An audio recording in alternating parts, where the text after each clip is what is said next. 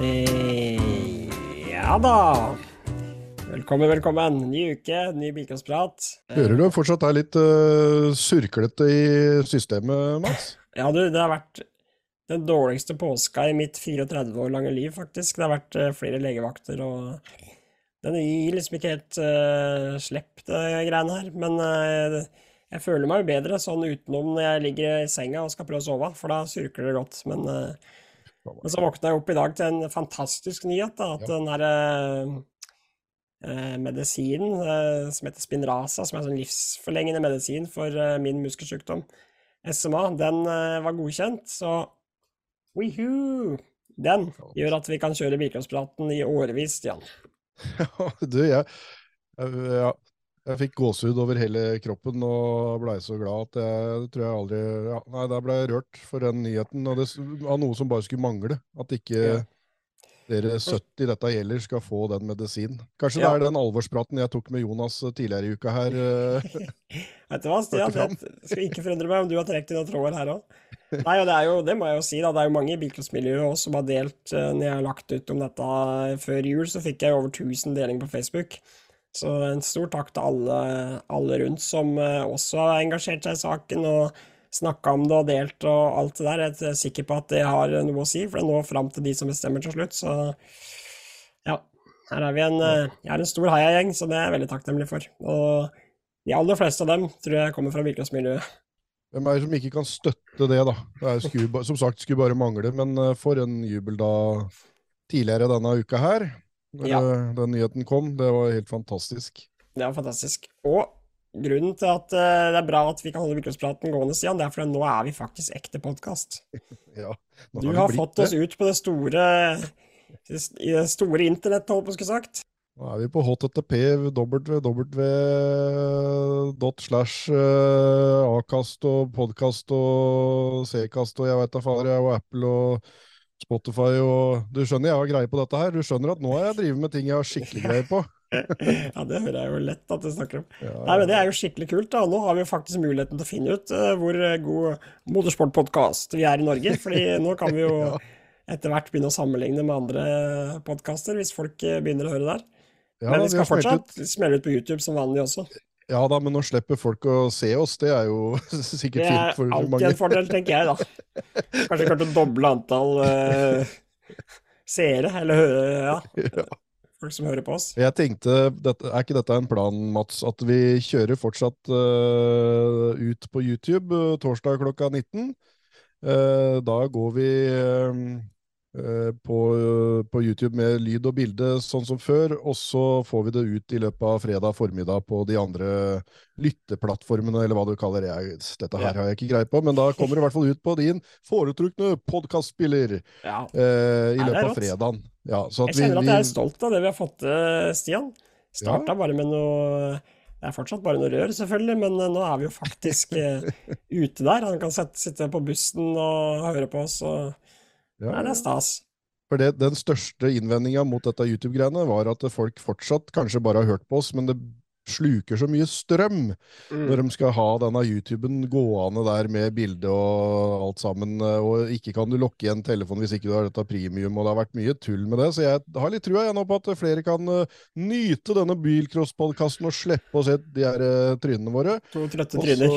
Ja, og så skal vi kanskje være enda flinkere til å dele linker til det vi prater om. At folk kan gå ja. inn på bilcross.no, Facebook-side og Snap og sånn, og så få sett for det meste ligger jo ute allerede, eller blir digitalisert, av det vi prater om, av sånne rare kuriositeter fra historien og sånt. Ja. Så ja, vi, vi, vi, veien blir til mens vi sladder av gårde på den. Ja. Gjør den ikke det? Det gjør den absolutt. Og, ja, og, og alle, alle, disse, det må jeg si, alle de ti episodene som vi hadde rekke å spilt inn på denne YouTube-viset, dem ligger jo allerede ute. Og jeg ser det at det allerede er flere Det er ganske mange avspillinger bare tvert, liksom. Som folk kanskje har venta litt på at det kom der, og at, at, det, ja, at de har avventa litt, eller kanskje hører om igjen, eller jeg veit da rakker ned. Men i hvert fall så er alt, hele arkivet er fylt opp fra første episode. Til, til, og med da det som kommer videre. Så oppdaterer vi fortløpende etter at det mm. først har kommet på YouTube. Ja, dette blir bra. Dette blir knallbra. Og i dag så skal vi ha en liten eh, juniorspesial. Og jeg lå og tenkte på, Stian, etter forrige sending, og det er jo fryktelig moro for oss, men jeg tenker på til vårt unge publikum. Vi, nå må vi roe ned litt på praten om hva som skjedde i 1986 og 1987 og Ja. 20 år før folk ble født. Så eh, nå er det på tide med en juniorspesial å ta av fokus på våre unge lovende. Prøve å holde oss på denne delen her av årtusentallet. Og vi skal bare se framover. Vi skal Ja se framover. Det blir ikke du noe nerding om Birkios historie nå. Nei da. Nei da, nei da, nå, det, det er det slutt på. Ja da. Så det, nei, det var bare de ti første episodene, det. Fra ende til annen. Det kommer nok til å bli mye av det fortsatt. Men Ja, eh, også du, Stian, har et lite forslag her om en topp tre som er framtidas bilcrossbiler. Hva er det neste bobla i bilcrossen? Det er litt gøy å Mhm. snakke om, da. Og i den forbindelse skal vi også ha prat med en eh, junior i dag. Vi har en gjest som heter eh, Erling Borgersen Tjelta fra NRK Egersund. Etter min da- mening ja. den som eh, vant Fair eh, Race-prisen i fjor, eh, av alle flotte eh, All flotte, flott kjøring av juniorene, som faktisk er de som kjører flottest av alle, spør meg. Mm. Eh, både på banen og i depot, og respekterer regler og funksjonærer og alt som er, og er horvelig flotte på, fra ende til annen eh, når det gjelder alt på løp. Men eh, den der A-finalen i juniorlandsfinalen i fjor, der eh, Erling kommer ut eh, nesten side om side, men det lille halmstrået bak vinneren til slutt, da, så, så kjører han så pent og tøft og ryddig helt inn til målstreken og blei nummer to i juniorlandsfinalen i fjor, og er fortsatt junior i år. Og det er det som kjennetegner den A-finalen i fjor i juniorlandsfinalen, det er at det var veldig ung klientell. Det var Mm. ikke så mange sisteårsjuniorer, det var flest av dem som eh, faktisk eh, kan revansjere og forsvare seieren Mm. fra i fjor. Så det blir tøft. Jeg gleder meg skikkelig til å prate med Erling. Han sitter Ja, klar, han. Så Og Erling er jo også tatt ut til eh, denne Bilcross Junior Challenge, som vi snakka om i noen episoder tidligere her. Som er den uh, talentsatsinga. Og jeg vil jo tro at han kommer til å bite fra seg godt i den uh, lille tevlingen der, for å si det sånn. en av favorittene, spør du meg, men det er jo Ja. vanskelig å peke ut noen favoritter når det er eh, fem eh, knallgode og to reserver. Da. Forresten, der har bilcross.no blitt invitert med på, på den, den dagen, sånn for å Så kan vi se om det går uh, ryddig for seg. Mats. Ryddig for seg.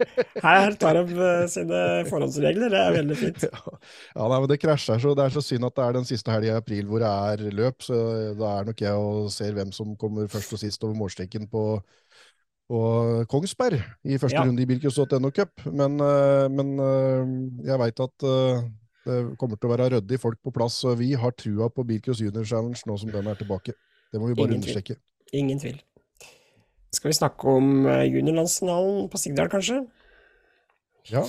Og fasan også. Du sa at vi skulle Jeg hadde jo liksom hadde tenkt jeg skulle sitte her og så mimre tilbake til hvordan, historien på juniorlandsfinalen, åssen dette her har gått opp gjennom åra. Stian, det skal vi ha. sammen. Ja, men, jo, men du sa det at det, vi, vi skal bare se framover, og Ja, men Stian, juniorlandsfinalen, når er det den dro i gang? da? Null- Ja, 08 eller noe? Ja, men Det er når du begynner Jo med da, det dette to- eh, første løp som ble avløst i Ja, 1985 og sånn. ja, er da men, men nå må du, må du høre det at når juniorklassen kom i 1996 Ja. Så det er greit at det tok elleve år fram til 2007 før det var sånn første juniorlandsfinale med kvalifiseringsløp og sånn, men det var jo et NMK-mesterskap, som i bunn og grunn NMK-landsfinale er. Eh, det var jo det helt fra 96. Så egentlig har jo juniorlandsfinalen nå Jeg er redd for at det skal komme en eller annen agent inn her og så stroppe meg fast og gi meg munnkurv, for nå må jeg tilbake til 96 for å ta den historien om juniorlandsfinale. Stian, kjør på. Du har min permission. Ok, greit. License to mimre.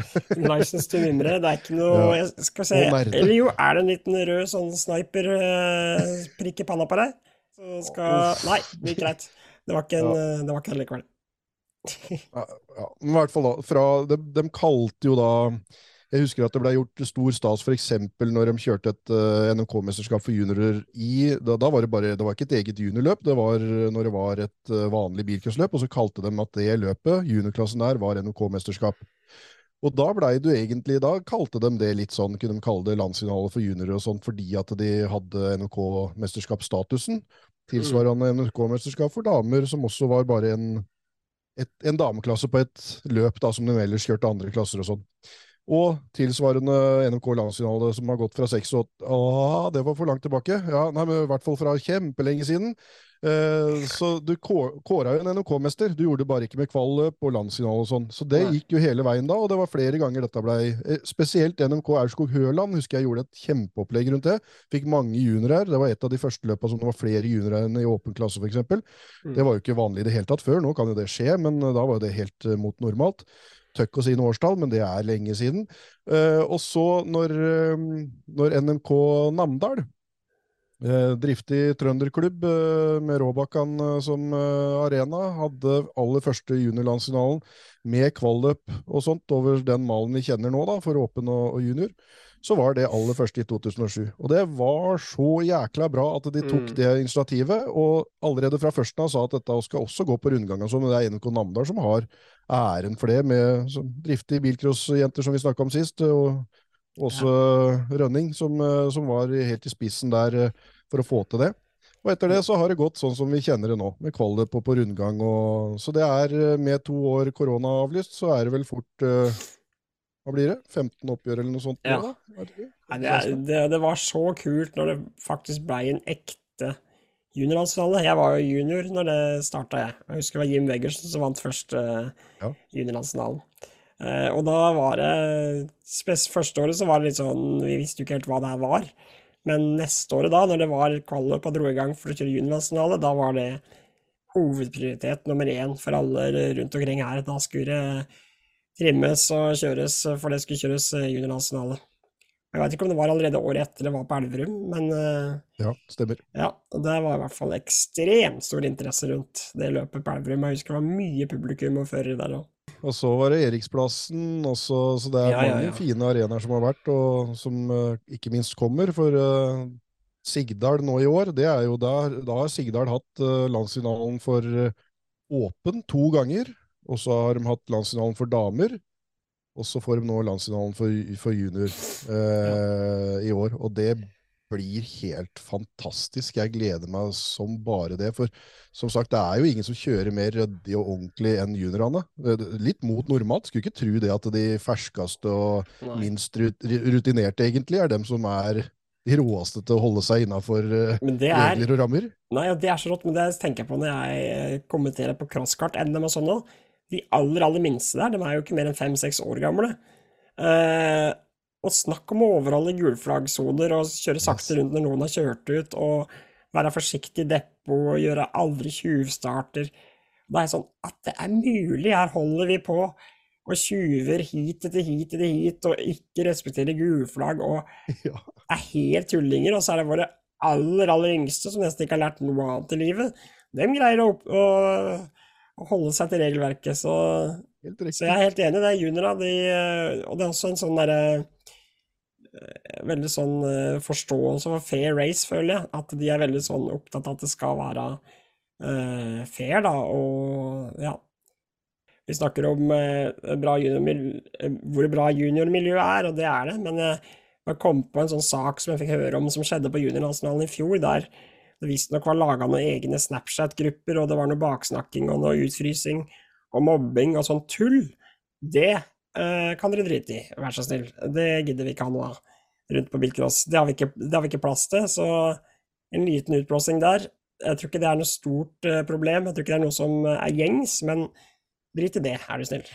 Og så tror jeg kanskje at eh, jeg skal, ikke, jeg skal ikke si det for sikkert akkurat i den settinga der, så veit jeg ikke helt, men jeg tror faktisk at det ofte så kommer det fra et sted, så da er det foreldrene som er verst. Jeg har vært eh, Jeg prøvde ei stund å, å dekke gokartløp. Jeg har jo drevet med mye rart og blitt leid inn til mye rart eh, tidligere, og det er jo bilcross som er eh, liksom ligger hjertet nærmest, og det er en grunn til det, for at eh, her er faktisk miljøet helt glimrende, med, og hvis det blir noen sånne utskeielser, så er det ofte litt sjøljustis og fort Mm. justert inn på, på rett spor. Men i gokarten, å fy flate, der kjørte ungene, slåss og kosa seg og hadde det gøy, og går ut av karten og finner seg en sandkasse å leke sammen i, og deler på leker og har det kjempefint, mens foreldrene krangler så busta fyker i bakgrunnen.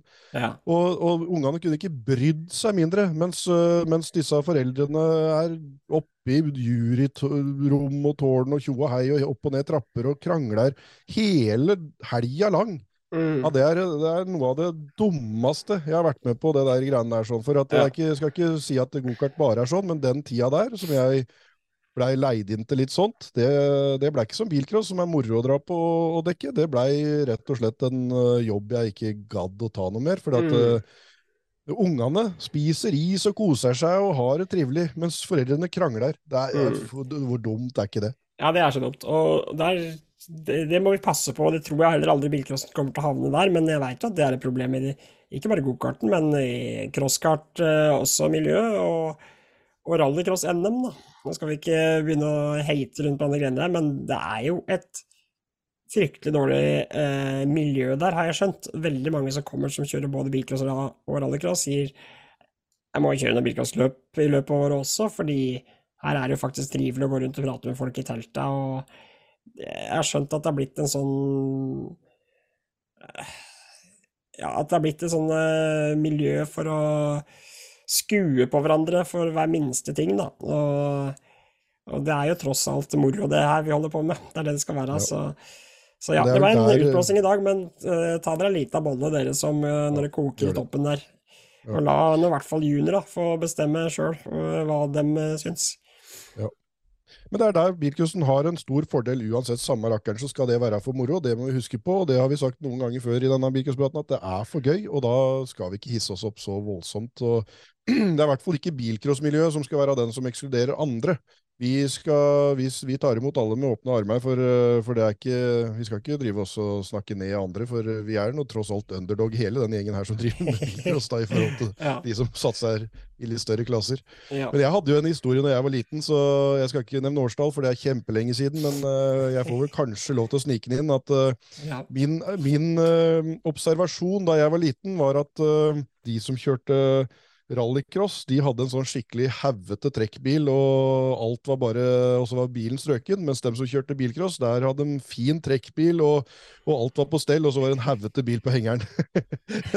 så, Ja. så det er liksom, eh, den prioriteringa der var veldig klar før. Da var, det, da var det egentlig Ja ja, skal du kjøre og ha det gøy og ha en uh, møkkabil som er ruglete, eller skal du ofre alt på den bilen du kjører med, og det skal være blodig alvor og ikke du har råd til å ha en skikkelig trekkbil, og du må selge hele stuemøblementet for å få råd til å kjøre neste løp, liksom. Ja. Jeg må jo si at det er vel litt ymse trekkbiler i bilcrossmiljøet opp gjennom åra. Det er ikke Og få, apropos- det er ikke få rustne Hiasjer som har gått rundt i noen Å depoter. nei! Men det er jo det er gromt, da. Det er jo kjempebra. Ja, altså, det, det det, det, tyder jo på at du har, eh, er kvalitetsbevisst. Men Det er jo en enighet, det. Ja, det- Toyota Hiash. Du har jo vært en del av det, Stian. Eller har du fortsatt den Hiasjen din? Ja, ja, jeg selger den aldri! Det det jeg har sagt. Nei, det er jo lapper på frontruta, og det ringer, ringer og Jeg har jo vært på Statskanalen for å snakke om det her, at ikke det går an å reservere seg mot å bli kontakta av folk som har lyst til å kjøpe. For at det, jeg får jo meldinger og telefoner hele tida, så jeg var til og med i sånn der, eh, sak og debatt og tjo og hei. For at jeg irriterer meg at jeg skal bruke tid på folk som ringer og, og skal ha kjøpt den der bilen min. Så, så det er, eh, Men eh, når jeg var i Sverige, vet du, det var det jeg skulle si, da, så den skal jeg legge ut et bilde av nå. For dem som eh, ser dette her på YouTube, så ser dere en nydelig skyss som jeg vokste opp i på bilcross. Der var en transit med nese, vet du, den derre snutetransitten. Oh, ja, ja, ja. Og, ja, og med, med plan bakpå, som er lagd mer eller mindre, da. Og den så jeg i Sverige, og snakk om staselig skyss, da, når du skal på folkeresløp Fy Det er fader, den var fin! Å, fy fader. fy flate, jeg måtte jo bare Så jeg tok nesten flest bilder av den ja, når jeg var der borte. Den på, slutt, altså. på slutten av 70-tallet der, når Ford M-Sport sin offisielle drabil var den transiten og en Grom MK2 bakpå. Du, det har jo Petter de og. Olsen har jo, har jo gjenskapt den. Han, har gjen, han kjører jo Han kjørte jo fra Kongsmo-traktene nede på Sørlandet der til bakkeløp eh, i Hunderfossen, han, overfor Lillehammer, med den skyssen der. Og jeg tror jeg er få som har blitt uh, mer stoppa og prata med og fått mer oppmerksomhet på vei til løp enn han, med, uh, med den der Transit eh, varebilen som trekkbil, og så henger og MK2 bakpå. Fy fader og tøft også. Ja, Men han er finner på jækla mye tøft. Nå bygger han jo en ny Escort MK2. Ja, han finner, han har, har jo hatt noen sånn ordentlig varebileskort og greier òg. Han har hatt så mye, mye rart. Og Ja, Cortin der. Og, han er, det er typer, rett og slett. Han burde vi hatt som gjest en gang. Vi Du, begynner å få en lang det- liste vi har nevnt som gjester, men han burde vært med en gang. Men han er ikke junior lenger, så er vi får, junior. vi får ikke ta han med akkurat nå i dag. Nei. Men eh, ja, NRK Modum og Sigdal som arrangør av juniorlandsfinalen, det må jo bare bli bra. Jeg er så heldig at jeg skal være speaker der, sammen med Ole Thomas Vestby. Og de driver og ordner til noe eh, lastebilhenger som jeg skal sitte bak i og kommentere, ikke bak i, men oppå, som plan da, og kommentere. Og få min egen eh, lite speaker-studio der, så det blir jo veldig tøft. Og så må vi løse det litt med noe feedback og noe lyd og greier, men det finner vi en løsning på. For jeg har aldri, aldri kommentert løp og signal før, så det blir skikkelig gromt. Og jeg veit jo at arrangøren er jo ekstremt dyktige, og når vi da får samla de gærneste juniorene i landet, så på den banen, da, som er Du hadde den vel på topp tre, Stian, hadde du ikke det? Jo, jeg, det har vært min favoritt. Ja, ja. Det har vært min, og det som er så tøft med Sigdal, er at det er ikke bare favoritt som bane og trasé, og at det er kupert og kul, kul bane med heftige svinger og masse fart og sånn, men det er også, som du sier, en av de beste til å arrangere, og rammene rundt de løpa der har alltid vært en favoritt for meg. Jeg, jeg vokste opp med sankthanscrossen som store, store høydepunkt i løpet av Birkensommeren som liten telp. Det var Mm. så rått, og så mange tøffe sjåfører, og jeg må bare si at der møttes liksom de råeste før egentlig det blei sånn spesiell invitasjon og sånne ting som det har vært seinere tid. da, så så var øh, Nå begynner jeg å mimre igjen, så beklager, men det var i hvert fall jæklig tøft, da. Jeg skal ikke nevne årstall, jeg skal ikke nevne navn, jeg skal bare si at det var kjempegøy! Og så, og så tror jeg kanskje det var litt at det klaffa med bursdagen til faderen nå alltid, for han har bursdag rundt sankthanshelga. Ah, og så du feirer bursdagen der hvert år, ja, det var bursdag for faderen, og han var jo sånn fyr som hjalp alle og kjente alle, så det var liksom en ordentlig svær fest. eh, Så det var litt gøy å se at han ble ordentlig satt, eh, satt pris på oppi der hver sommer. Da, Så var det liksom en sånn fast greie. Og så var det det mest naturlig når jeg begynte å kjøre sjøl, at jeg prioriterte Sankthansgrossen alle år. Eh, Det Mm. gjorde jeg Ja, det gjorde jeg Det var helt naturlig at det var greia. Jeg jeg røyk jo rett inn på intensiven jeg, etter en sankthanscross uh, som jeg fikk kyssesjuken. Og så min bekymra mor hun var jo alltid sånn at du kan ikke kjøre bilcross når du er, har feber og er sjuk. Og det kan du bare drite i, var jo svaret fra både meg og alle andre, og ikke minst faderen. Så jeg lå duppa nede i den lille elva bak øh, startplata der før hver start og var klissvåt for å orke å gå inn i bilen, for jeg hadde vel feber vi ikke hadde turt å måle engang, og stappa i meg smertestillende og alt sammen, og så satte meg inn og kjørte, og helt til jeg var inne i en klinsj med en Skoda som vel var på taket, og noen andre bobler og litt sånn innimellom, og da når jeg var bråstopp med kyssesjuken, og det er noe som er feil med milt og lever og noe greier inni der, Ja. da blei det blålys og Stian, Stian, hele, hele sommeren på sjukehus. Det var kjedelig, det. Jeg har også en uh, storebror som fikk kyssesjuka da han var førsteårs senior. Steffen Ja. skulle kjøre landsfinalen på Krabiskogen som førsteårssenior, og fikk kyssesjuka. Og mamma sa det får du ikke lov til.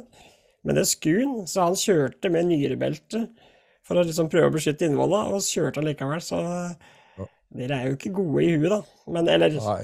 Men jeg, jeg jeg jeg fikk også beskjed om å ikke kjøre mer da, etter jeg opererte ryggen min, så skulle jeg helst ikke kjøre bilcross. altså, Den er grei. Det tok vel kanskje tok vel en måned, da, så satt jeg i BMW-en der igjen og kjørte rett i Jordvollen på Uvdal og tenkte nei, nå må jeg operere på nytt, nå har jeg ødelagt alt. Men det gikk seg til, gitt. Jeg syns det skingrer i glasshuset her. Det bare, det bare drøsser uh, fortsatt glassbett rundt, uh, rundt det der. Så vi er jo ikke noe bedre enn noen, da.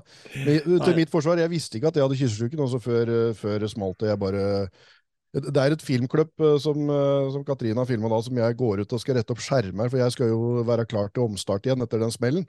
Og jeg sjangla rundt som om jeg skulle tro jeg var drita full, og drar i skjermer, og, og, og, og så etter jeg liksom har dratt i noen skjermer og skal inn i bilen igjen, så bare bom, så detter jeg ned, og så ligger jeg der.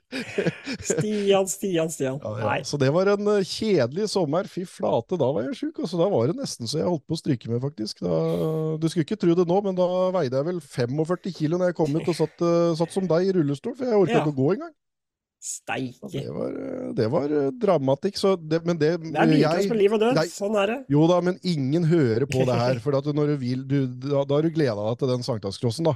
Ja. Og har bil klar, og alt er bare, og så blir du litt pjusk, og så ja, ja, stapper du det i deg piller og dynker balaklava og hele deg og sånn for å orke å kjøre og sånn. Og Så, men faktisk, det er ganske lurt, nå som dette er en juniorspesial, så kan vi prøve å, å, å liksom oppfordre den nye generasjonen til å være litt mer fornuftig enn det vi har vært. Da. Så det er lurt å høre på mamma og pappa og alle sammen at uh, ikke kjør hvis du er sjuk, for det kan faktisk være litt sånn skummelt. Altså. Det ja, ja, det kan faktisk det.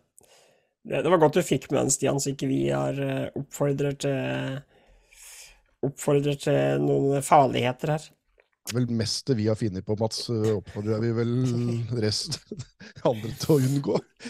ja, ikke gjør som oss, er, Nei, er liksom moralen. Generelt ikke gjør som oss. Nei, men skal vi rett og slett uh, ta en liten prat med Erling Borgersen Kjelta, Stian? Ja, gjør det. Der har vi den på. Der har vi den på. Oi. Hallo. Hei, hei. Hyggelig. Ja, det var trivelig at du kunne ta deg en liten eh, Er det, er midttime på, på, skolen? Ja, det er egentlig matfriminutt.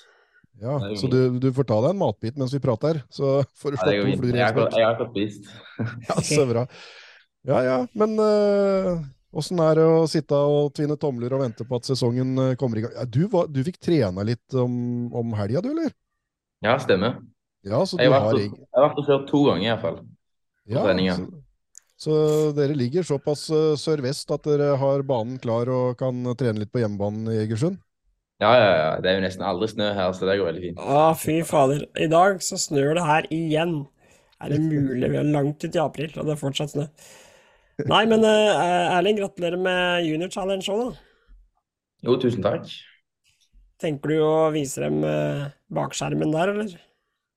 Nei, jeg skal iallfall prøve reise bort og gjøre min beste innsats, så får vi bare se hvordan det går. Skal iallfall gjøre mitt beste. Ja, det, det, tviler jeg ikke på at du kommer til å få til heller, med, med det så, så deg i juniorklassen i fjor, og spesielt juniorlandsfinalen her, da. Det var ganske rått kjørt. Jo, tusen takk. Veldig fornøyd med deg sjøl.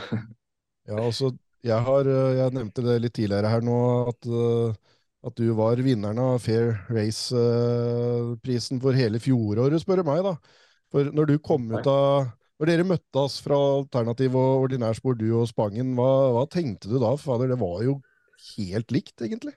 Ja, det var, det var teit. Uh, jeg, uh, jeg tenkte jo det at det blir jo ikke vits å prøve å kjøre på han og komme forbi, eller presse meg forbi. Da er det jo stor sjanse for at begge to stopper, og at begge to kunne tape eller komme på en femte- og sjetteplass eller et eller annet sånt. Det blir jo litt for dumt. Da er det jo bedre å safe det, og så komme inn én og to andreplass. Ja. Så det er all forventning, så det er jo godt nok for meg, deg. Så. Ja. Men, det, men, du, men du, lå jo, du ga den jo ikke akkurat fred inn til mål, så du, du pusha jo på akkurat liksom helt på den grensa ja. som, som, vi, som, vi, mener skal være greit. da. Ja, ja litt må du gjøre. Ja. Så du hadde, jo egentlig, du hadde egentlig mer sjanse til å ta seieren med å gjøre det du gjorde, og heller kunne smette forbi seinere, enn at dere mm. hadde stått i en, et uh, koss med to vrak uh, ute i småskauen etter alternativspor der. Men, så, så, men, hører du, Mats, det er det vi har prata om litt allerede, at uh, en, sånn hadde ikke det blitt tenkt i veteranlandsfinale, eller kanskje ikke åpne engang. I hvert fall ikke damelandsfinale. Nei, nei, kanskje ikke det, nei. Nei, men det, det var ja, utrolig Jeg har bare sett det på film, da, men eh, ja, utrolig smart kjørt. Og vi snakka jo om tidligere her, da Spangen Vi hadde han som gjest i episode to allerede, var det vel? At han kanskje var tidenes største talent i bilcrossen. Og det er jo ikke akkurat Erling langt unna, da. Nei, fy flate, det er jo ikke. Vi skal ta det hit i det var, noen, det var, noen, millimeter som skilte over målstreken der, og, og, alle var så happy. Det, er, det, var så bra fair race og god uh, sportsånd. Ja, det var en god slutt på dagen, så jeg er fornøyd med det. Men hva tenker du om årets uh, juniorlandsfinale? Når, når uh, både du og Spangen er jo klar, og flere som var i toppen av fjoråret, er fortsatt juniorer. Litt mot normalt. Det har vært veldig mye sånn sisteårsjuniorer som har vært i toppen av juniorlandsfinalen tidligere. Så det var veldig ungt eh, klientell på toppen av resultatlisten i fjor. Hva tenker du om årets landsfinale nå? Det er jo mange juniorer du kjenner nå, og veit litt hvor nivået ligger. Jeg tror aldri, jeg tenker ikke det blir noe hardere enn det det har i hvert fall ikke vært hardere juniorlandsfinalen enn det det blir i år. Nei, det er mye flinke folk, så det blir spennende å se. Jeg har aldri vært på Sigdal før, så jeg vet ikke hvordan det er. Men eh, jeg håper jo å gjøre det godt der òg. Men det er jo alltid, det er aldri lett å si i bilcross, vet du. Så det er får bare prøve, så vi se hvordan det går. Men eh, kommer du til å prøve banen eller være, ta en tur opp før på trening eller løp før, før landsfinalen? Ja, det er vel eh, sankthanskosten etter. Det er løp før det. Tenkte vi å reise opp og så banen. I hvert fall det som blir har vært der en gang. Ja, det blir kult. Du, du har noe å glede deg til, for det er eh, etter min mening en av de råeste bilcrossbanene som finnes i Norges land. eh, Og du Ja, det eh, tar den vel ganske kjapt. Jeg vet ikke hvor mye hadde vært på brekka før fjoråret, sa. Ja, jeg hadde aldri, vært der før. Så første gangen på landsfinalen. Ja. ja, men da tror jeg det skal gå sånn greit nok, tror jeg, i tillegg for en liten, et lite treningsløp der. Men eh, er det sånn at du bare kjører Opel, eller? Det så jo så strøken og nybygd ut, den doningen du hadde i fjor. Ja, nei, jeg, eh, Vi har jo alltid tenkt at vi skal kjøre Opel, men det er jo aldri like lett. Så vi har dratt hjem både Alfa Romeo og Ford og litt forskjellig. Så det blir jo litt av hvert. Eh, Saab òg og sånt. Så vi prøver jo å holde oss til Opel. Fordi at vi har jo har skrudd litt i Opel nå, så vi begynner jo å føle at vi har litt kontroll på det. Men det er jo aldri like lett. Hvis vi plutselig går tom, så må vi plutselig kjøpe en i krise, og så blir det et annet merke og sånt. Men eh, Ja. helt Opel. Men Alfa Romeo, det resonnerer greit hos deg, Stian. Da blir ja, du plutselig Jeg må si det at da du kjørte Alfa Romeo på talentrace, så var det første gangen jeg ordentlig liksom la meg merke til, til navnet ditt, eh, Erling. Eh, Det var nydelig. Vet du hvor den bleia den Alfaen er, eller var det borte på bud? Ja, det var, det var ingen bud på den, så den har jeg med hjem. Det er ingen som vil ha det. Ja, Vi tenkte å ta Alfa Romeo nå i år på Talentrace igjen. Ja. Men så uh, har han fått rådebank, så hadde vi tenkt oss å få ny motor, men det får vi ikke tak i. Så da står han bare lenger enn i garasjen, så nå blir det en annen Alfa Romeo. En ny. Oh, ja, ja, ja, okay. men kan du Der kan vi like, Stian, vi som liker litt spesielle bilcrossbiler. Og jeg er også ganske stor Alfa Romeo-fan. Jeg husker, eh, nå går vi mimrer langt tilbake, da, men seniorlandsnavn på Lyngås, Ja. så dukka det opp en Alfa Romeo. Tror jeg første gangen jeg så en Alfa Romeo bilcross. Det var vel Yes, yes. Jeg husker ikke at jeg kjørte den. Det var en Hamar-farga bil, tror jeg. Syns det var så gromt. Den rulla rett ved tærne mine og blei liggende opp ned med motoren i gang. Så det blei en sånn flott røykshow der, med, Stemmer og totalt skjært. Og han kjørte flere Alfa Romeoer, øh, mener jeg. Det var uh... Ja, Anton Statshaug var det vel som kjørte den Alfa Romeoen. Men eh, Erling, har du, eh, syns du det er litt mye bilcrossnerding på den bilcrosspraten, eller har du hørt noe på oss før? Ja, jeg har hørt litt. Jeg syns det er bra. Jeg har ikke noe gøy å si på det. Jeg syns det er helt fint å høre på. Det er- ser du, det er. Yes, ungdommen liker at gamle karer sitter og mimrer tilbake til 80-tallet. Ja, det Oi. Det var, hvor skal jeg vippse pengene? skal, skal du ha det rett på ja. Stian Ormestad på hele taket på Alfa Romeoen på eliterace. Takk for støtten. Nerdestøtten. Åssen er bilcrossmiljøet i Du kjører for NMK Egersund, gjør du ikke det? Jo, stemmer. Åssen er det med antall førere rundt der, og er det et miljø, eller hvordan kom du inn i det, egentlig? Ja, ja, det er jo et miljø. Det er jo ikke like stort som på Østlandet, selvfølgelig. Men uh, det er så mye bra folk i, i miljøet i NMK Egersund og uh, Vikedal og de nærklubbene. Så jeg eh, syns det er helt fantastisk å være og kjøre på den sida av landet òg. Selv om det er litt lite løp og så er det litt lite deltakere. Derfor reiser vi jo bort til Østlandet og sånt. Men eh, der er miljø her òg. Den banen, da, hvordan syns du den er, den hjemmebanen? Den har jeg faktisk aldri vært på. Nei, jeg syns han, synes han er kjempebra. Jeg er stortrives på den banen der. Det er litt synd at det er så langt vekke fra Østlandet og sånt, fordi at eh, vi får jo ikke så mye deltakere, så derfor får vi ikke løp. Men eh, på trening og sånn, så elsker jeg han. Han er fantastisk. Hvor langt unna ligger den banen fra der du holder til og bor og skur? Eh, Ca. 45 minutter eller noe sånt. Så det er litt vekke. Ja, ja. Men det er ikke gærent det. Det er mange, jeg tror det er mange i Norges land som har lengre vei til hjemmebanen, så det er ikke så gærent det. Og da har du jo mulighet til å få testa biler og, og sånt. Men Hvem er det som uh, smir sammen uh, disse bilene, enten det er uh, noe ukurant som Alfa eller noe kurant som Opel? Nei, far står meg for. Han bruker mye tid på bilene mine og hjelper meg. og jeg, hadde aldri klart det uten han. Han legger sinnssykt mye arbeid ned i det. Ja. Men da er dere sammen om de verste og har kvalitetstid, far og sønn? Ja, ja, vi er det. Hver, hver kveld og hver helg, eller er det sjeldnere enn som så? Ja, nei, det, er, det er nesten hver dag. Ja, så trivelig. det er- veldig trivelig, og det, der er dere heldige. Lillebror min også skal begynne å kjøre nå i år, så det Er han like god som deg, eller? Nei, ikke helt. Men uh, han er veldig flink, så jeg tror nok han kan bli god, han òg. Tøft. Men uh, hvor mye tid er det du bruker på bilcross, uh, tror du? Ja, jeg bruker Ja, jeg bruker ganske mye.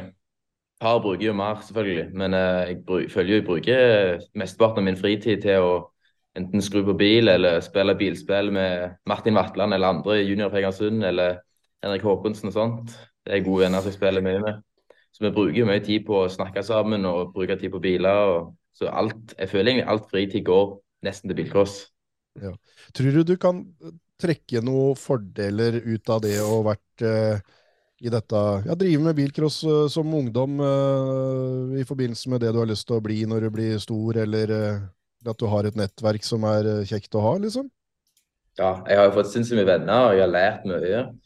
Før jeg begynte med bilcross, så satt jeg hjemme og spilte, og så skjer det jo lite. Men når du begynner med bilcross, så kommer du deg ut, og så ja, du lærer mye og får mye sånne forbindelser og sånt. Hva er det du har lyst til å bli når du blir stor, da?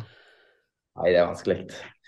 Drømmen er jo eh, tenk, det, det, Jeg tror nok drømmen hadde vært å leve av bilcross. Det hadde vært noe. Ja. Men eh, det er ikke alltid like lett. Nei, nei, nei men, eh, men motorsport, du som er sånn talent, så er det jo alltids muligheter til å kunne drive med motorsport, i hvert fall da, på et er eller annet nivå. Ja, Hvis det bare er så- så må du få noe heftig sponsoravtale på plass. Ja. Men uh, vi har trua, vi, Erling. Ja, vi har trua. Veldig gøy å følge med deg også. Så, og, og ja, jeg veit ikke hva du tenker om årets landsfinale for junior. Liksom, hva, hvordan går du inn i det når du har den supre plasseringa fra i fjor, og vi har litt eh, fokus på deg? Det er jo litt av en uh, inngang på en ny landsfinale. Ja, selvfølgelig. Eh, selvfølgelig vil jeg jo ha det i baktankene hva som skjedde i fjor. Men eh, et bilkorsløp er jo aldri lett å så gjette resultatet. Så jeg får jo bare kjøre med blanke ark, og så går det godt, så er jo det kjekt. Men går det ikke godt, så sånn er det bare. Det er en del av sporten at det aldri går helt din vei. Er det andre løp i løpet av denne sesongen du har sett deg ut, som du har lyst til å, å satse litt mot? Jeg har jo lyst til å ha komme med en god bil på Talentrace òg. Mhm. Og så er det den sankthanskosten på Sigdal. Eh, og så har jeg tenkt på eh, andre løp er vi har tenkt? Det er vel Ja, det er forskjellige storløp og litt forskjellig. Bergen òg, nå i 30. april, eller eller? Ja, 22. april, ja. ja. Du er klar 22., for, for Bergen, ja? stemmer. ja. Yes. ja det er tøft. Ja, det er vel spennende. Ja, det blir, det blir eh, årets første storløp, det, med svære pengepremier og alt sammen. Så ja, det blir kult. Da, da ses vi jo kanskje der, da. Vi får prøve å ta turen over for å se på den moroa. Men eh, er det noen sånn spesielle forberedelser for løp du har, eh, som du må begynne med allerede nå, da? Bortsett fra det å ha bil og utstyr klart. Er det noe Ja, det er ikke mye. Det er bare eh, Jeg generelt går og tenker på hvordan, hvordan jeg kan gjøre det. og liksom Men det er aldri lett å liksom planlegge et bilcross hit eller løp eller et eller annet. Det, er jo, jo, det skjer jo bare når du er der. Men jeg prøver jo å tenke og forberede meg selv på det. og ja, Snakke mye med far om hva vi kan gjøre for å liksom kjøre fortere. og sånn. Og det òg er en fin ting med bilcrossjuniorene, Mats. De hører på foreldrene sine. Der hører du. Snakker med far og høster erfaringer. For han har, han har vært med i gamet lenge. Ja. Jeg tror han begynte med bilcross det året jeg ble født. Og så begynte han med rallycross i to, var det 2009, kanskje. Mm. Så han kjørte litt opp til jeg ble juniortrening, så la han opp da, og så han fokuserte på meg nå. Og det tenker jeg han syns er vel så moro som å kjøre sjøl. Ja, han sier iallfall det. Ja, det sier de aller, aller fleste. Det er ordentlig morsomt, og du er heldig som har eh, Du er heldig som har, eh, har den muligheten til å, å, å drive med det her eh, med støtte fra, fra faren din. Er det andre som er viktig i, rundt deg, som hjelper til? Altså, det er jo eh, far som sagt, og så er det jo alle sponsorene mine. De òg hjelper jo sykt. Det er jo eh, dyr sport, så at de kan være med og hjelpe og bidra, eh, det betyr alt. Og så er jeg jo mye god familie som hjelper meg. Litt eh, onkler og tanter og litt forskjellig som hjelper til. Så er det ja, det er mye folk rundt meg som kan hjelpe og støtte og sånt, og det betyr veldig mye. Bilcross er liksom individuell sport. På, på, på banen så er det én som sitter eh, bak det rattet og kjører, men eh, det er aldri, du er aldri Det er ingen som er aleine når, Når, når du oppnår sånne resultater som du gjør, eh, Erling, og alle andre som er med for eh, moro og, og for å vinne og uansett, så er det en hel gjeng som står bak, som har hjelpa til og heia og lagt ting til rette og ja, sponsa og alt sammen. Ja, veldig bra. Da får du komme deg tilbake fra spisepausa, Erling. Det var nydelig at du ville være med. Ja, tusen takk for at du tok deg tid til å være med på Birkeåspraten, og så får du spre ordet rundt til andre. Nå har vi kommet oss på Spotify og alle andre podkastplattformer òg, så nå er det mulighet til å slippe å se de trynene våre, men bare høre, for å høre praten. Ja, nei, men lykke til da med alle løp som er i år, og så bare prates vi. Yes, tusen takk. Virkus Ja, det var Erling Borgersen Kjelta, det, Stian. Og fy søren så moro det skal bli å følge med også han, da, nå i 2023. Jeg kjenner jo at alle gjestene vi har hatt nå, så har jeg jo lyst til å bare henge over og være med og se på alle løpet, for det blir jo så spennende hvordan det blir. Og det er virkelig ikke lenge før vi drar i gang, da. Det er jo neste helg, så så, så smeller det.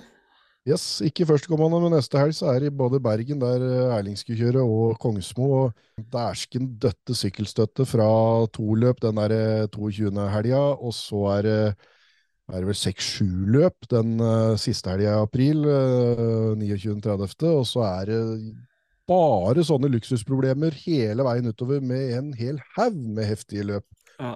Som krasjer, da, men eh, det tyder jo bare på at eh, arrangører og aktive er skikkelig gira igjen etter, eh, ja, for å komme i gang. Det er helt rått. Det, jeg kjenner det pitrer i hele kroppen nå. Nå er det ikke lenger før vi skal sitte der ute og se på billøp igjen. Og nei, det blir gøy. Men Stian, vi skal ha en topp tre, da. Du har kommet med en topp tre denne gangen her, som er topp tre den neste bobla, kan vi kalle det. Altså, Ja, hva er det neste vanlige Ja, fram, framtidas spikerspill, og hva blir liksom den vanlige vinnerbilen framover? Jeg Ja, føler jo at eller- eller, eh, allerede så har det jo eh, kommet en del nye biler som er den nye bobla, sånn sett, som Ja. er i dag. Men eh, kommer dem til å vare i framtida? Det er jo ikke sikkert. Ja, for det som er spesielt med bobla, da Hvis, skal, hvis vi skal liksom eh, sette en framtida Birkespill eh, og sette noen kriterier for at det skal bli en ny boble, så skal det ikke bare være at det er mange som vinner med den, eller mange som eh, bygger, men at den over tid vil være den helt dominerende bilen, både når det gjelder antall eh, til start, og antall seire, og eh, lett å få tak i deler, og egentlig liksom den bilen som definerer bilcrossen. Det er, det er jo det bobla gjorde. Så, så, så det er liksom det er store sko å fylle, og det er kanskje ikke så veldig mange biler som har den standinga som bobla, som selvfølgelig var mestselgende og helt normal å se langs veiene helt fram til for 20 år siden. Så var det en ungdomsbil og en vanlig bil og familiebil og alt sammen i, helt siden etter krigen, liksom. Så, så vi, vi kommer kanskje aldri til å få en bil som har den samme standinga i bilcrossen, siden den var så vanlig sånn ellers òg. Men hvem kommer nærmest, er vel kanskje målet Ja. å finne fram til.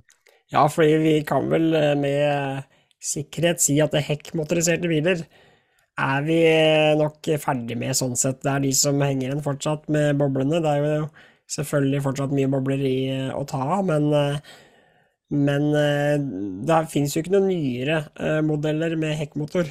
Nei, det, det fins jo noe sånn derre Det har jeg litt lurt på, lurt litt på om det der smart og de her, om det går an å bygge til bilcross, men de er kanskje for små. Det er noen rare kriterier der som ikke de fyller. snakk om kamikazevogn. Jo, jo, men de er jo er jaggu ikke noe særlig mindre enn en Mini eller alt det andre, eller Fiat, eh, polske Nei, Fiaten eller noe sånt. Nei, men, nei, så det er, men det er i hvert fall ikke noen volummodeller som har kommet som, eh, som hekkmotoriserte på veldig, veldig lenge. og Greia med bobla var jo at den var billig, og det var flust av dem, og det var eh, lett å få tak i deler og sånn. og Vi har ikke noen sånne hekkmotoriserte doninger eh, å ta av nå, også. Men, eh, men, men en av, et av kriteriene var jo hele veien tidligere at de, de populære bilcrossbilene med bobla helt i spissen av de hekkmotorene, var at det var motor over drivhjul. Da. da kan vi jo begynne å kikke litt på de med framhjulstrekk, som faktisk har motor over og som er liksom den standardversjonen som fins nå med biler som er produsert de siste ti åra. Ja, for jeg trodde jo at uh, Jeg er vel sikker på, og det var jo det, det det her er periodevis, og det endres jo bare i løpet av fem år eller ti år. At uh, da jeg liksom begynte å kjøre og sånn, så var det jo omtrent ikke noe annet enn Saab 99 og Saab 900 uh, av den gamle typen, da. De var altså så innmari mye Saab, og Saab var veldig vinnerbil da. Eh, hender jo fortsatt at det slenger en og annen Saab som går bra, som er av de gamle karosseriene, og så har det selvfølgelig kommet mange av det nye, da, med V6. Eh, men, eh, men det har jo dødd litt ut. Det er ikke mange Saabber eh, eh, sånn av den typen Saab som går rundt på bikensløp nå lenger. Ikke i nærheten av det som var tidligere, i hvert fall.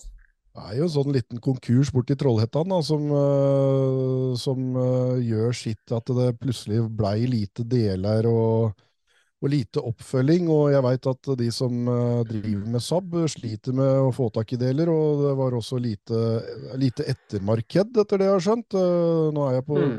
syltynn is, for Saab er kanskje det er kanskje en av de få bilene jeg ikke har kjørt og ikke har tenkt å kjøre, og ikke har så veldig behov for å prøve å kjøre heller. Det har vært veldig tøft å kjøre en skikkelig grom Saab, men, eh, men det, er ikke, det virker som om eh, der kom den der delemangelen og alt det der, at du må være så Saab-hue at du har uh, plen full av donorbiler, liksom.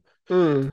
Så tror jeg litt det som skjedde med Saab eh, 999 og dominansen de hadde ute på ja, kanskje fram til 2010, 20 ja, Litt oppover der òg, 12-13-14, så kom jo etter hvert disse Operne. Så kom Astraen og Korsan og de greiene der.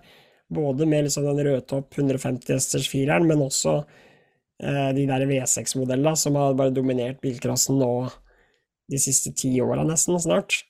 Eh, Men da har vi et annet kriterium som Bobla scora høyt på, det var at den var lett og enkel. Eh, Den Sabbaene er kanskje enkle for dem som kan det, og de, de, er jo ikke, de er jo ikke lette i vekt. De er ikke småbiler, så jeg tror den nye Bobla også må være en liten bil. En lett og liten som er enkel å trimme og få mye ut av uten å sette i de største motorene. Det er klart eh, disse Oplene får sekser her og sånn, men eh, Ja, nei, jeg tror bare at vi aldri kommer til å komme der igjen noen gang. At vi får noe som er både lett og er firer og sparker godt. Fordi de her V6-Oplene som går nå, det er jo det som er den ultimate vinnerbilen i bilcross i dag. Men de blir liksom for eh, Den blir, den blir ofte for trimma, på en måte, dem òg. Det er en eh, det er en mellomting. Det er en, en liten, eh, en liten eh, sånn uh, riskoker av en framhjulstrekker. Går jo ofte bedre og er bedre å kjøre og kan sette av bedre rundetider med en eh, skikkelig turtallsvillig firer enn en eh, sekser som er uh, framtung og Så det er liksom det er en sånn der, eh, balansegang.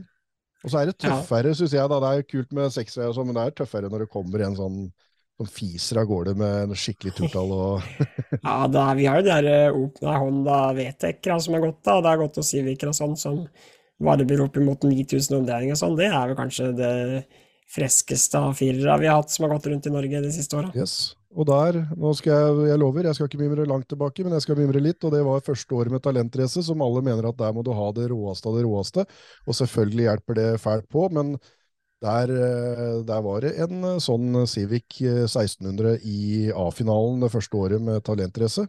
Så det, det er ikke bare stort og masse sylindere som gjelder, det er uh, ofte disse små, hissige firerne som funker. Og hvis en teller opp uh, seire på talentrace, så er det jo mest firesylindere, da. Men da er det jo et par bobler inni der òg, så Ja. Nei, så var det som du sa, Stian, hvis vi går over til bakerstrekk, så har vi jo Volvo da, og 240. Uh, og det er jo fortsatt en uh, god andel Volvo 240 rundt på bilcross. Eh, Ja. Selvfølgelig litt mindre der også nå enn det det var en periode, for det, det var jo en helt eh, startlist nesten bare med 240 en periode. Så eh, det, det begynner å bli såpass verdi på Volvo nå at det blir lite nybygg. Og bare da jeg for ti års tid siden kjørte Volvo 242 og hadde tenkt å dra på hoggeren for å kjøpe meg en ny dør, da skjønte jeg jo at det var jo den døra til 242-en var jo som er den der lange, svære porten som du skal åpne opp hver gang du skal inn og ut. Det er jo Det er jo verdt sin vekt i gull, de der dørene der. Så allerede da øh, var jo dette her vanskelig å få tak i deler til bare noe så enkelt som en dør av karosserideler og sånn, liksom. Så nei, dette blir, øh, det blir da, da har du liksom ikke det den For nå fra, fortsatt er det jo lett å få tak i bobledeler, liksom.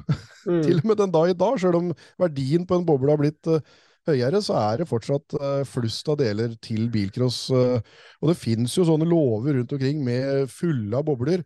eh, som folk har samla. Jeg har en eks-svigerfar som jeg spurte en gang om å få kjøpe et emne, for han har to låver fulle.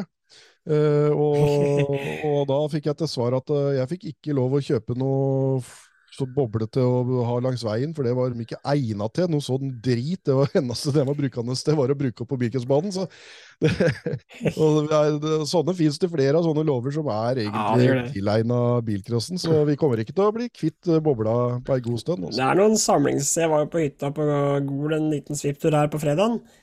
Det er noen uh, galer på vei oppover der, der du ser det er noen sånne røde og gule egg som stikker opp overalt. Og en sånn som sto i skråninga ned mot elva der og greier. Så det står noen bobler overalt, ja. Så Altså det, dør de jo aldri. Det er jo de som er allerede rigga, de blir jo nesten aldri vraka. Det, de blir bare litt mer og mer Ja. skrukkete, men de, de overlever jo nesten alt. mm, da kom jeg på Jeg fikk en melding av en uh, lytter som fortalte at kompisen hans hadde ei boble som han hadde kjørt i 80 løp uten Ja. å miste. Men du, da, Det- den, kan jeg, den kan jeg høyne med, med, med han Gisle Berre, som trekker i trådene for, eh, fra Namdal til Hell nå, oppe i NMK Namdal. Uh, han, der har jeg skrevet en sak om ei boble som han, en Wasserbokser, som han har kjørt eh, helt siden jubileumsløpet der oppe i 99, så det må jo da være, da blir det fort eh, 24 år siden han rigga den bilen. Og Ja. den bobla går enda, og han runder 100 løp med den. Om han rakk å gjøre det i fjor, det veit jeg ikke, men, men eh, han hadde egentlig tenkt at uh, fra Namdal til Hell i fjor skulle bli nummer 100, men nå har han meldt seg på i år. Uh, for da, da ble han heller med å arrangere i fjor, for han har såpass mye å gjøre i kulissene. Mm. Men nå har Gisle bare meldt seg på, og han står påmeldt med Folkevogn Boble. Og da regner jeg med at den Wasserbokseren fra ble Ja, rigga ja, i 99, rått. kommer der. Er Og så skrev jeg også en sak om Henning Maribo. Som, Ja, den der gamle skrukka, ja. ja, ja, ja, ja, som de hadde funnet tilbake historien på, som eh, også hadde gått en hel haug med løp. Ja, Stian. Men nå har vi snakka mye om uh, hvem som ikke Hvem vi ikke tror blir neste bobla. Og vi skal over på topp tre. Topp tre. Framtidas bilcrossbil. Du kan eh, Jeg kan begynne med nummer tre, Stian. Ja, kjør. Min nummer tre er, og dette kommer til å gå på litt på tross av det allerede du har sagt, Volvo. Jeg tror at eh, Volvo fortsatt vil være en av de aller, aller mest brukte bilene i bilcross i 20 år fram i tid. Jeg tror ikke Volvo 240 kommer til å være så representert etter hvert. Det, det er fortsatt veldig mange biler å ta av, men nybygde tror jeg vil minke etter hvert.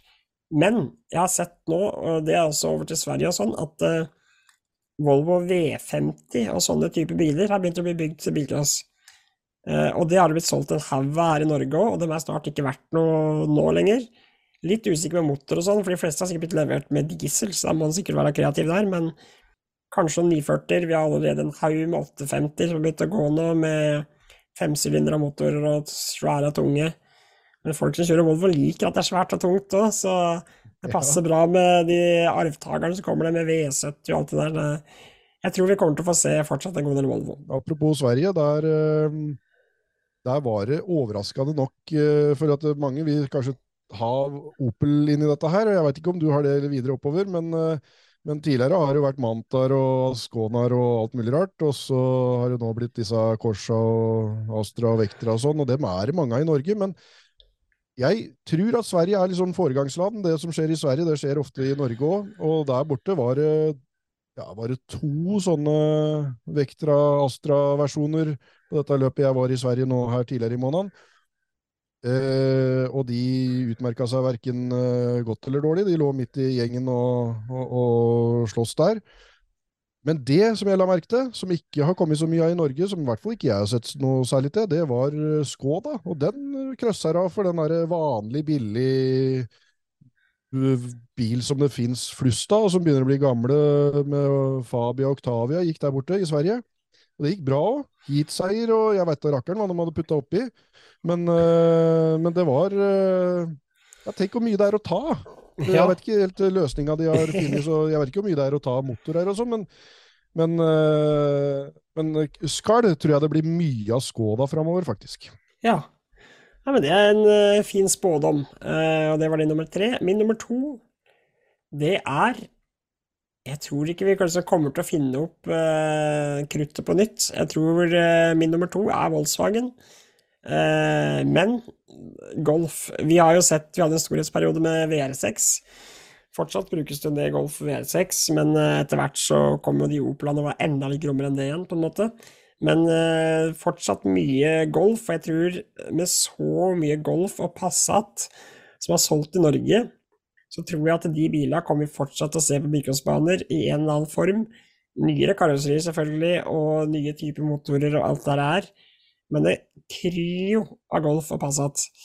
Eh, Så jeg holder Volkswagen, kanskje spesielt de to type bilene, på min andreplass. Det er ingenting som stopper bilcrossere her fra å smi det rareste som fins eh, rundt omkring. Og det kan godt hende i den forbindelse at det blir Fiesta og alt det her som har løpt og gått i alle tider, som er nyere versjoner som jeg nesten ikke ser forskjell på om det er Fiesta eller Fokus eller hva det er.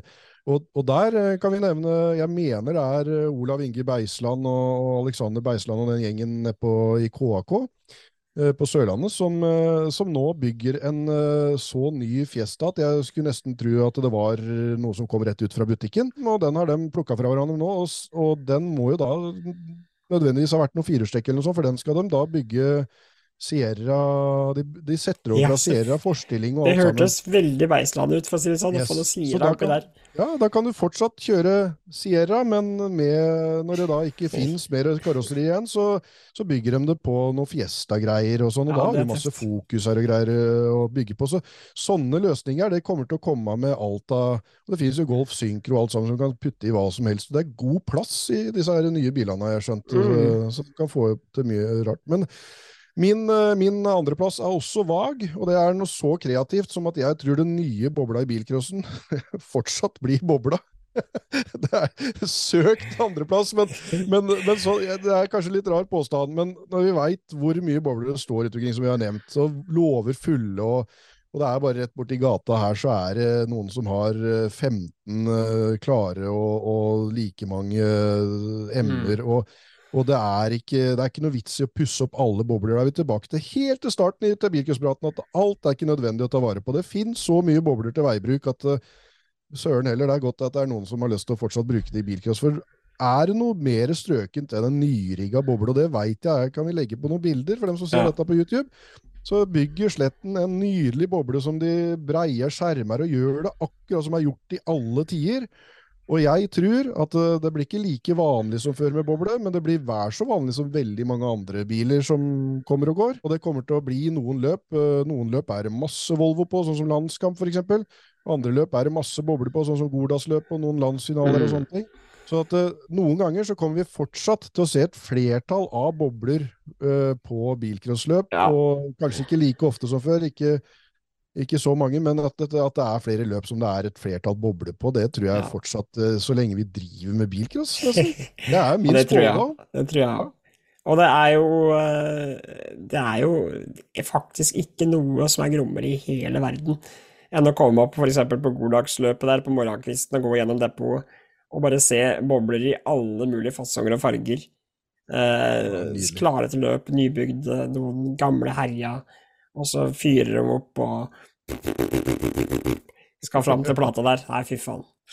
Antall uh, bobler med lisens tror jeg fortsatt er rimelig høy.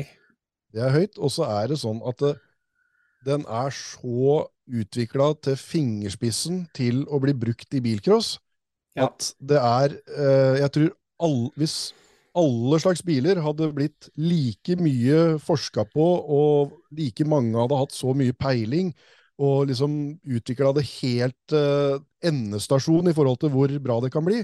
Når du ser, Det var, er folk tidligere som har kjørt Ladar og og, og det gikk sånne Subaruer, eh, de der små Subaruene fra gamle dager, og, og mm. Nissan Sherrier, og det har vært mange sånne, men da har det vært én eller to, eller ja, eller sånn som vinnerbilen min fra gammelt av, Toyota Carinaen, som jeg Ja. kaller bare vinnerbilen.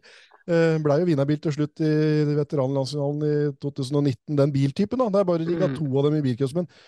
Det er liksom sånne få biler som blir rigga og som er udda, men dem som satser og satser og forsker og forsker, og forsker, så får du nesten alt til å gå bra til slutt. Og her kan du Ja. tenke deg at eh, tusenvis, titusenvis, kanskje hundretusenvis har vært involvert i å utvikle bobla til å bli Ja, helt den beste til å gå rundt en bilcrossbane så fort som mulig, og da blir det så bra til slutt, og så Mm. mye kunnskap og så mye deler som er smidd helt, du veit akkurat hva som skal gjøre det, så bobla, nei, det er nydelig at vi har mange som satser på den fortsatt, Ja. og det er til og med noen juniorer her også, siden dette er litt sånn framtid og junior og sånn, Det er, så er det lite som gleder meg mer enn at det kommer en junior med ei boble og kjører den så godt som bare du skulle tro Ja. har gjort det hele livet. jeg er helt enig, Stian. Så det er, den er fin å ha på andreplass. Og så tenker jeg, liksom du sier, det har blitt så innmari utvikla, men det er det som er grunnen på bilcrossen også, at det er jo fra forskjellige familier til klubber til hvor de befinner seg i landet, så er det forskjellige måter å bygge bil på. Det er sånn det snakkes om hvorfor greier sørlendingene å få han til å gå så fort? Hvorfor er det ingen som greier det?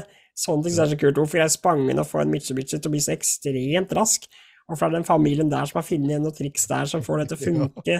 Hvorfor er det den, hvorfor er Maribo, hva slags bobler bygger dem i forhold til andre som bygger raske bobler? Det er det som er så innmari kult med bilcross, at alle har liksom noen små hemmeligheter òg, men så er det utvikla så langt at det er bare snakk om små, små justeringer som gjør at det passer eh, til den og den føreren. Og det er bilcross på høyt nivå, men eh, det er det som er også så ekstremt moro med bilcross. Da blir det sånt miljø rundt en biltype. For første gang da det skikkelig ble satsa i, i Kristiansand og på Rugslandsbanen, som, som, eh, som det var liksom litt festivaler som trakk førere fra andre kanter og sånn, så blei jo vi helt sjokkert over BMW 3-serier med seksere og, og Sierraer, ikke minst, og alle disse udda bilcrossbilene som det gikk da. Kanskje Mm. halve startfeltet var det. Og da fikk du de der kanonene som kom eh, ja, som de gikk sammen, og, og alle utveksla ideer og, og erfaringer. Og så kom de oppover her på Østlandet og kjørte fletta av alle som bare tenkte at når de så en sånn BMW 3-serie med sekser, at det var altfor tungt og dårlig. og sånn. Og så Mm. heiste de av gårde og Ja. kjørte fra hele gjengen. Og da hadde de de der løsningene som bare har blitt blitt uh, smidd fram uh, i, i verksteder uh, her og der og utveksla erfaringer og fått det beste ut av det. Det er rått, Ja. altså. Din andreplass Nei, førsteplass? Jeg skal på førsteplass, jeg nå. Nei, jeg, Stian, jeg gjør dine ord til skamme. Ja, Jeg har. Opel på topp. Ja. Eh, Jeg ser argumentet ditt med Sverige, men jeg har et motargument at sånn har det vært i alle tider. Da vi begynte å dra til Vimmerby og så på bilcross der, så kjørte de helt andre typer biler enn vi gjorde her i Norge. Og det, var, det har ikke nødvendigvis vært sånn at de bilene har kommet over til Norge, eller vice versa. Vi har litt forskjellige typer biler, og det handler litt om hva slags biltyper som uh, har blitt solgt i de landene med importører og ting og tang. Ja. Uh, derfor er det så ekstremt mye flere V6-er for eksempel i Sverige, fordi noe avgiftsgreier gjorde at uh, det var en vanlig modell å ha, mens i Norge er det jo ikke det. Så jeg har Opel på første. Eh, det kommer jo sikkert til å minke etter hvert på de her V6 eh, Astraene i det karosseriet vi har nå, men vi, som vi har sett da, blant annet eh, eh, vår forrige gjest, Hilde Follhaug, en eller annen forferdelig stygg Opel, men det var en sånn med V6 som går, som går fort. Ja. Eh, damen altså, altså fra Katrine Olsen hadde en sånn Opel Altså, det er så mye raske Opeler, da, og det er så mange av dem fortsatt, så jeg tror vi fortsatt kommer til å se Opeler i alle mulige stygge fasonger uh, gjøre det bra framover. Eh, Det er svære, lange vekter og omegaer og jeg vet ikke hva.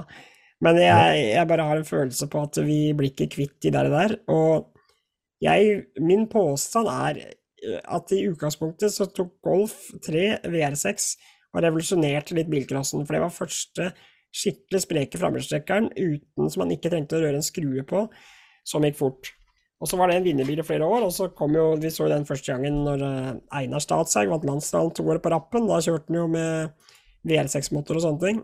Ja, han vant første gangen, bare, bare sånn før, Ja. før, uh, før, før altså, Han vant første året med firer. Med firer, ja, stemmer. Ja, ja, Så, men jeg husker så godt, Stian, og det jeg gjerne legge inn klipp av. Og det er det råeste nesten klippet du har på, fra dine bilkostkavalkader. Det er landsnavn på Merdek. Einar Statshaug kjører fram, og du Ja. sier 'hør på dette her'. Ja, ja. Og så får vi da- og så sier du 'landsfinalens deiligste lyd'. Og det, og det var det. Eh. Men mitt Og det var første, og det var første gangen det var en sekserlyd, sånn skikkelig sekserlyd, ikke en sånn dau eh, Ford eh, d- Ja, sånn, ja. Helt som enig. Brr, det, det der var bare dro opp og bare Ja. var der. Ja, så det, det var faktisk revolusjonerende. Det er jo noen som fortsatt satser bare på VR6. Men jeg eh, påstår at da noen oppdaga de her Opelene, først med 2,5 liter V6, og etter hvert de 3 litera Noen har kommet med de 3,2 litera, fått finne det en eller rar Opel-versjon og putta oppi der. Så revolusjonerte det bilklassen så mye at de som kjørte boble, og de som kjørte Volvo, de måtte øke budsjettet sitt med i hvert fall 10 000 på trimming for å holde følge med de her nye Opelene. Eh, og i og med at de er relativt billige fortsatt, så tror jeg det kommer til å være flust av sånne Opel framover. De er den nye bobla i form av at det er en vinnerbil. Det er ikke den nye bobla i form av at det fins uendelig med deler, for det gjør det ikke. Og heller ikke kjempelett å skru på. Jeg tror når ledningsnettet eh, klundrer seg til på en sånn eh, V6 Opel, så er det bare å gi den fra seg og sende den til noen som kan det, som ikke er så mange. Men eh, ja, jeg har den på førsteplass. Jeg tror fortsatt Opel i alle mulige rare former kommer til å være framtidas bilcrossbil.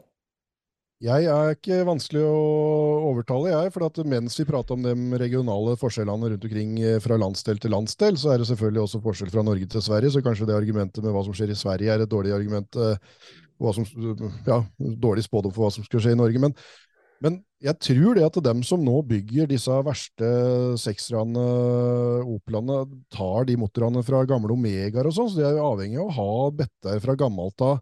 Eh, akkurat som de som, sånn som vi snakka om Beisland, som bygger eh, Fiesta med Sierra-better og sånn. Så du må, du må hele tida spille på å ha et eh, lite arkiv med Mm. better fra en eh, tidligere tid. Så ja, jeg er, eh, jeg er enig i det så måte at ikke vi bare skal se til Sverige, men kanskje litt eh, skeptisk til at det finnes så fryktelig mye å bygge av. når ja, tenk deg framtida, men når alt har blitt solgt nytt som diesel og turbo og Det blir spennende å se om noe blir gjort der i forhold til at en kan eh, få lov å jenke det til. For du er jo nesten helt avhengig av en motor fra en eller annen antikk bil fra 80-tallet. Liksom. Ja, ja. Kanskje vi lar det flyte og gå helt til vi må kjøre batteribil her hele gjengen.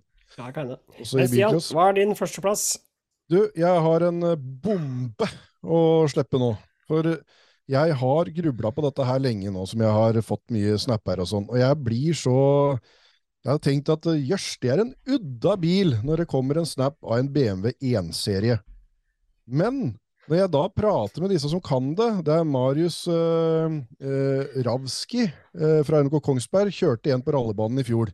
Mm. Eh, han kjøyt så fælt av åssen han var å kjøre. og Det er jo frontmotor med bakkestekk, så den scora ikke på det med motor og rihjul, men han scora på at det fins flust av dem. For det står jo sånne halvvrak over hele ja, Når jeg kjører rundt og legger merke til hvor mange sånne som fins, og den har jo eh, et kriterium er jo også at den har blitt produsert over så lang tid nå. Han har jo gått over flere tiår eh, og Mm. pøsa ut. Um, og så er det Jeg begynte å prate litt med Jarl Ivar Bendiksen her eh, fra NK Kongsmo, som bygger en sånn nå. Det var han som tipsa meg at uh, han Marius hadde kjørt en sånn på rallebanen i fjor.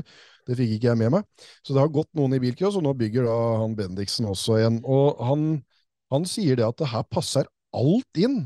Det er så god plass i dette motorrommet, og det passer helt tilbake til 80-talls BMW-er med motorer og girkasser og alt sammen. Kan de mekke og ordne og trikse og mikse, så er den jo veldig liten, og du får satt motoren langt bak. Det er jo langt panser på denne her lille, rare bilen. Mm. Og, så jeg tror han kan bli veldig konkurransedyktig, og når han er god å kjøre og sånt òg da, og så er han rette alder, da begynner å bli masse gamle, og så er det en del nyere som kanskje passer ganske sånn noenlunde med karosserideler og alt sammen, så det kommer til å bli, gå lang tid før det begynner å bli manko på deler til den.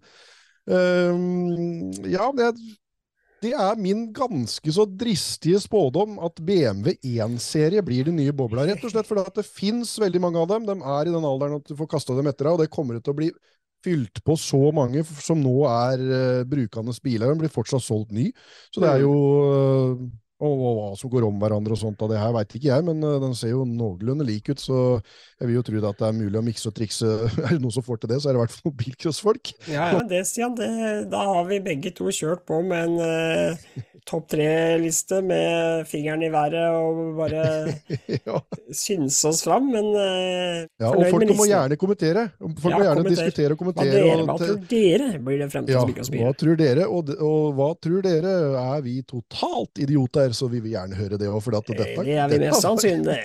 Stian, vi går mot slutten her. Eh, Den ble sikkert litt lang, den her òg, men eh, nå er vi jo på øret, så nå kan folk bare kose seg og sitte og høre hvor enn de er eh, i verden, uten å måtte se på de dumme trynene våre. Neste uke så skal vi ha en god spesial. Yes. Da skal de få oss opp på storskjermen der og se på oss. Det blir moro, Stian. Ja, det blir tøft. Det blir kult, det. Ja, det blir kult. Så følg med, folkens. Nå finner dere oss på alle mulige plattformer, og Spotify og Apple podkaster og alt som er. Så del, eh, del eh, Spre ordet, var det jeg prøvde å si. Spre ordet. Og vi bilcrossprates. Vi vil ikke oss prates.